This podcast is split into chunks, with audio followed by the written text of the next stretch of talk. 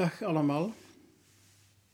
Op vraag van een aantal mensen onder jullie zal ik proberen een aantal kussen die ik geef met deze online zazen sessies samen te vatten tot een soort tijdshow, een soort uh, uiteenzetting, een soort voordracht, dharma voordracht.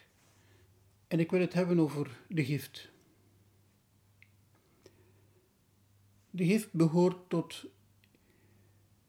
een van de zes paramitas, de basisbeoefening. Eigenlijk onze core business, waar het eigenlijk in onze beoefening over gaat. En de gift is de eerste van de zes. Paramita is het Sanskriet woord voor beoefening. Het betekent ook de overkant, een middel om naar de overkant te gaan. Ik ga ze even terug opsommen.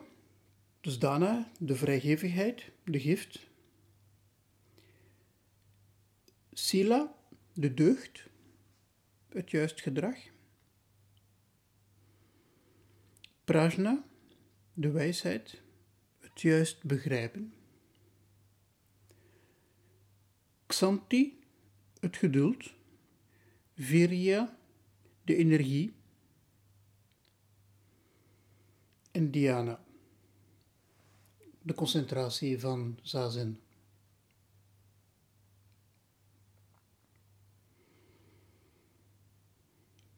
Dus Dana is de eerste van de zes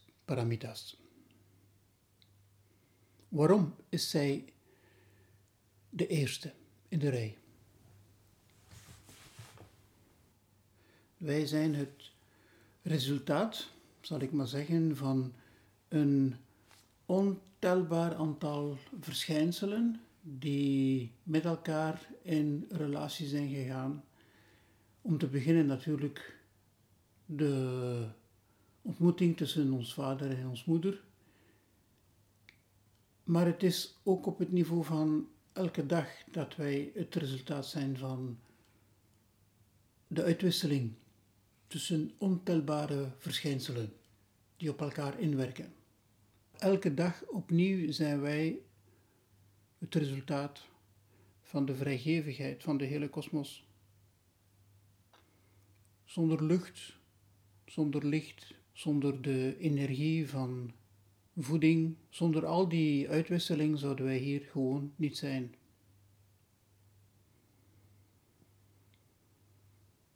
Dus stilstaan bij de beoefening van de vrijgevigheid is werkelijk stilstaan tot wat we zijn en hoe we zijn.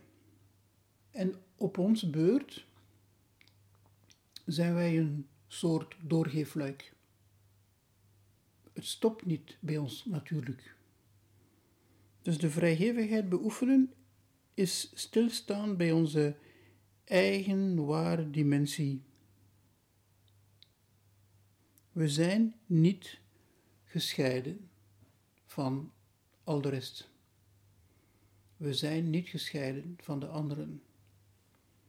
De beoefening van de gift is niet enkel een muntstukje geven aan een of andere bedelaar die we op straat zouden tegenkomen. Het is een fundamentele houding die we kunnen ontwikkelen en handhaven ten opzichte van onze omgeving. We kunnen dit zeer nauwkeurig ervaren in zazen zelf. De houding van de handen zijn een soort gift. De open handen beïnvloeden onze geest, diepgaand. Handen die ophouden de dingen te grijpen of af te stoten Open handen kunnen alles ontvangen. En open handen kunnen vrijgevig zijn. Nogmaals, een soort doorgeefluik, een soort uitwisseling, uitwisseling van energie. We houden niks voor onszelf alleen.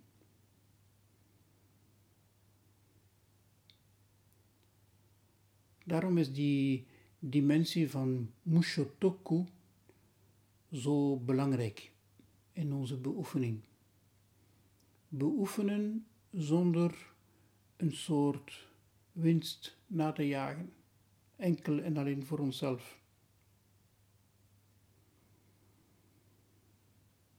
Het is niet dat de beoefening zonder verdiensten zou zijn. Integendeel, de verdiensten zijn ontelbaar. Ze zijn misschien niet altijd zichtbaar en voelbaar en waarneembaar. Het is ook een manier om daarnaar te kijken die belangrijk is. De verdiensten van de beoefening zijn onmetelijk. Voor onszelf en voor de anderen. Alle zenmeesters hebben dat zeer sterk beklemtoond. Maar we houden niks voor onszelf. We zijn niet aan het hamsteren, zoals zoveel doen de laatste dagen. Uit schrik, uit angst, iets niet te hebben. De gift is, de vrijgevigheid is reeds die angst en die onzekerheid loslaten. Die angst en die onzekerheid nuchter bekijken. Waar ben ik eigenlijk bang voor? Wat mis ik eigenlijk? Niet zoveel. Concreet zijn er veel soorten giften die we kunnen doen. Een blik, bijvoorbeeld, naar iemand kijken, zonder oordeel, zonder waardeoordeel. De andere aanschouwen in zijn hoedanigheid. Hem of haar accepteren zoals die is. Een glimlach geven kan wonderen doen. Een sympathiek woord, een woord van liefde, kan ook een gift zijn. Natuurlijk materiële goederen, geld eventueel. Maar ook veiligheid schenken. Zorgen dat onze naasten zich veilig voelen met ons. Geen agressief gedrag vertonen. En helpen waar we kunnen. Vrijgevig helpen. En de Sangha in de dojo is Samu bijvoorbeeld daar de uitdrukking van. Samu is niet zomaar een karwei die moet gedaan worden, een soort sleur, een soort werk, een soort last. Maar Samu is de energie samen delen om er iets van te maken, om de dojo te onderhouden, om de sangha te ontwikkelen, om de dharma te verspreiden. Dus er zijn veel soorten giften.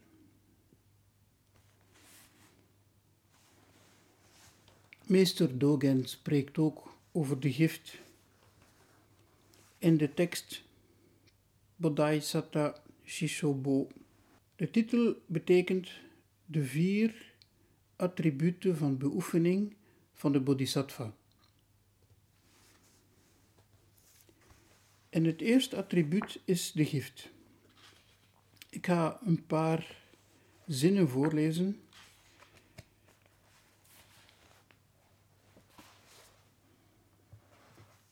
Meester Dogen zegt: De gift betekent belangeloosheid. Belangeloosheid betekent niet hebberig zijn. Niet hebberig zijn betekent, volgens de taal van de mensen, niet vleien. Dat is een interessante invalshoek. Niet vleien. En het gebaren van geven. Veelal in deze wereld probeert diegene die geeft in een soort gunstrelatie te staan tegenover de ontvanger. Zelf in een soort machtspositie. De andere hangt af van de gever.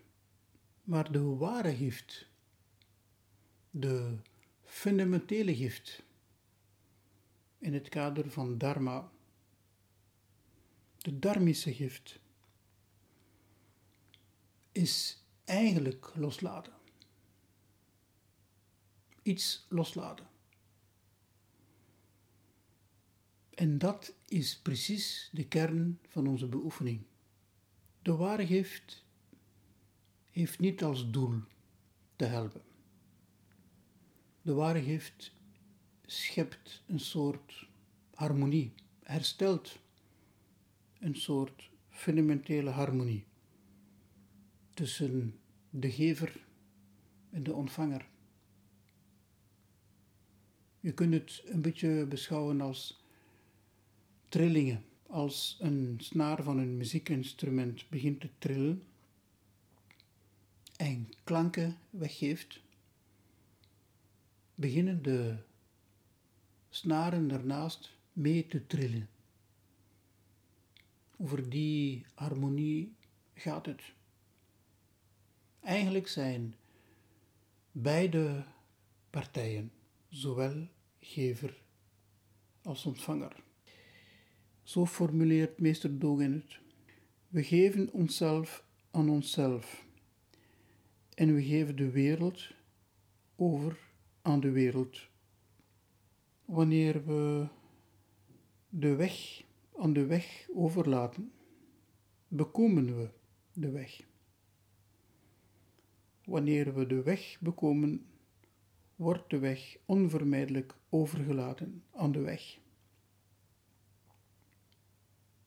Wanneer goederen overgelaten worden aan de schat, aan de kostbaarheden, worden de goederen onvermijdelijk een gift.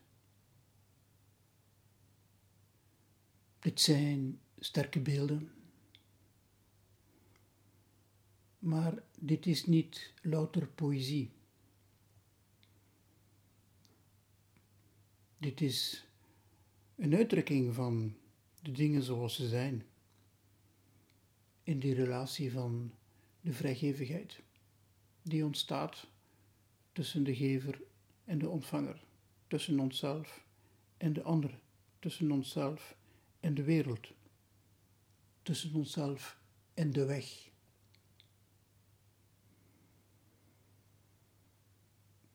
Die uitwisseling, die harmonie, die trilling is belangrijk.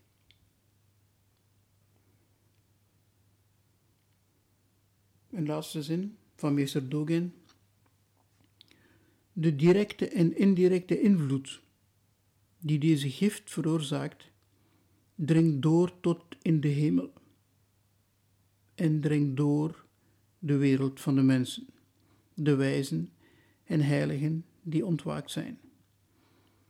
De reden hiervan is dat door geven en ontvangen de gift reeds een verbinding tot stand brengt.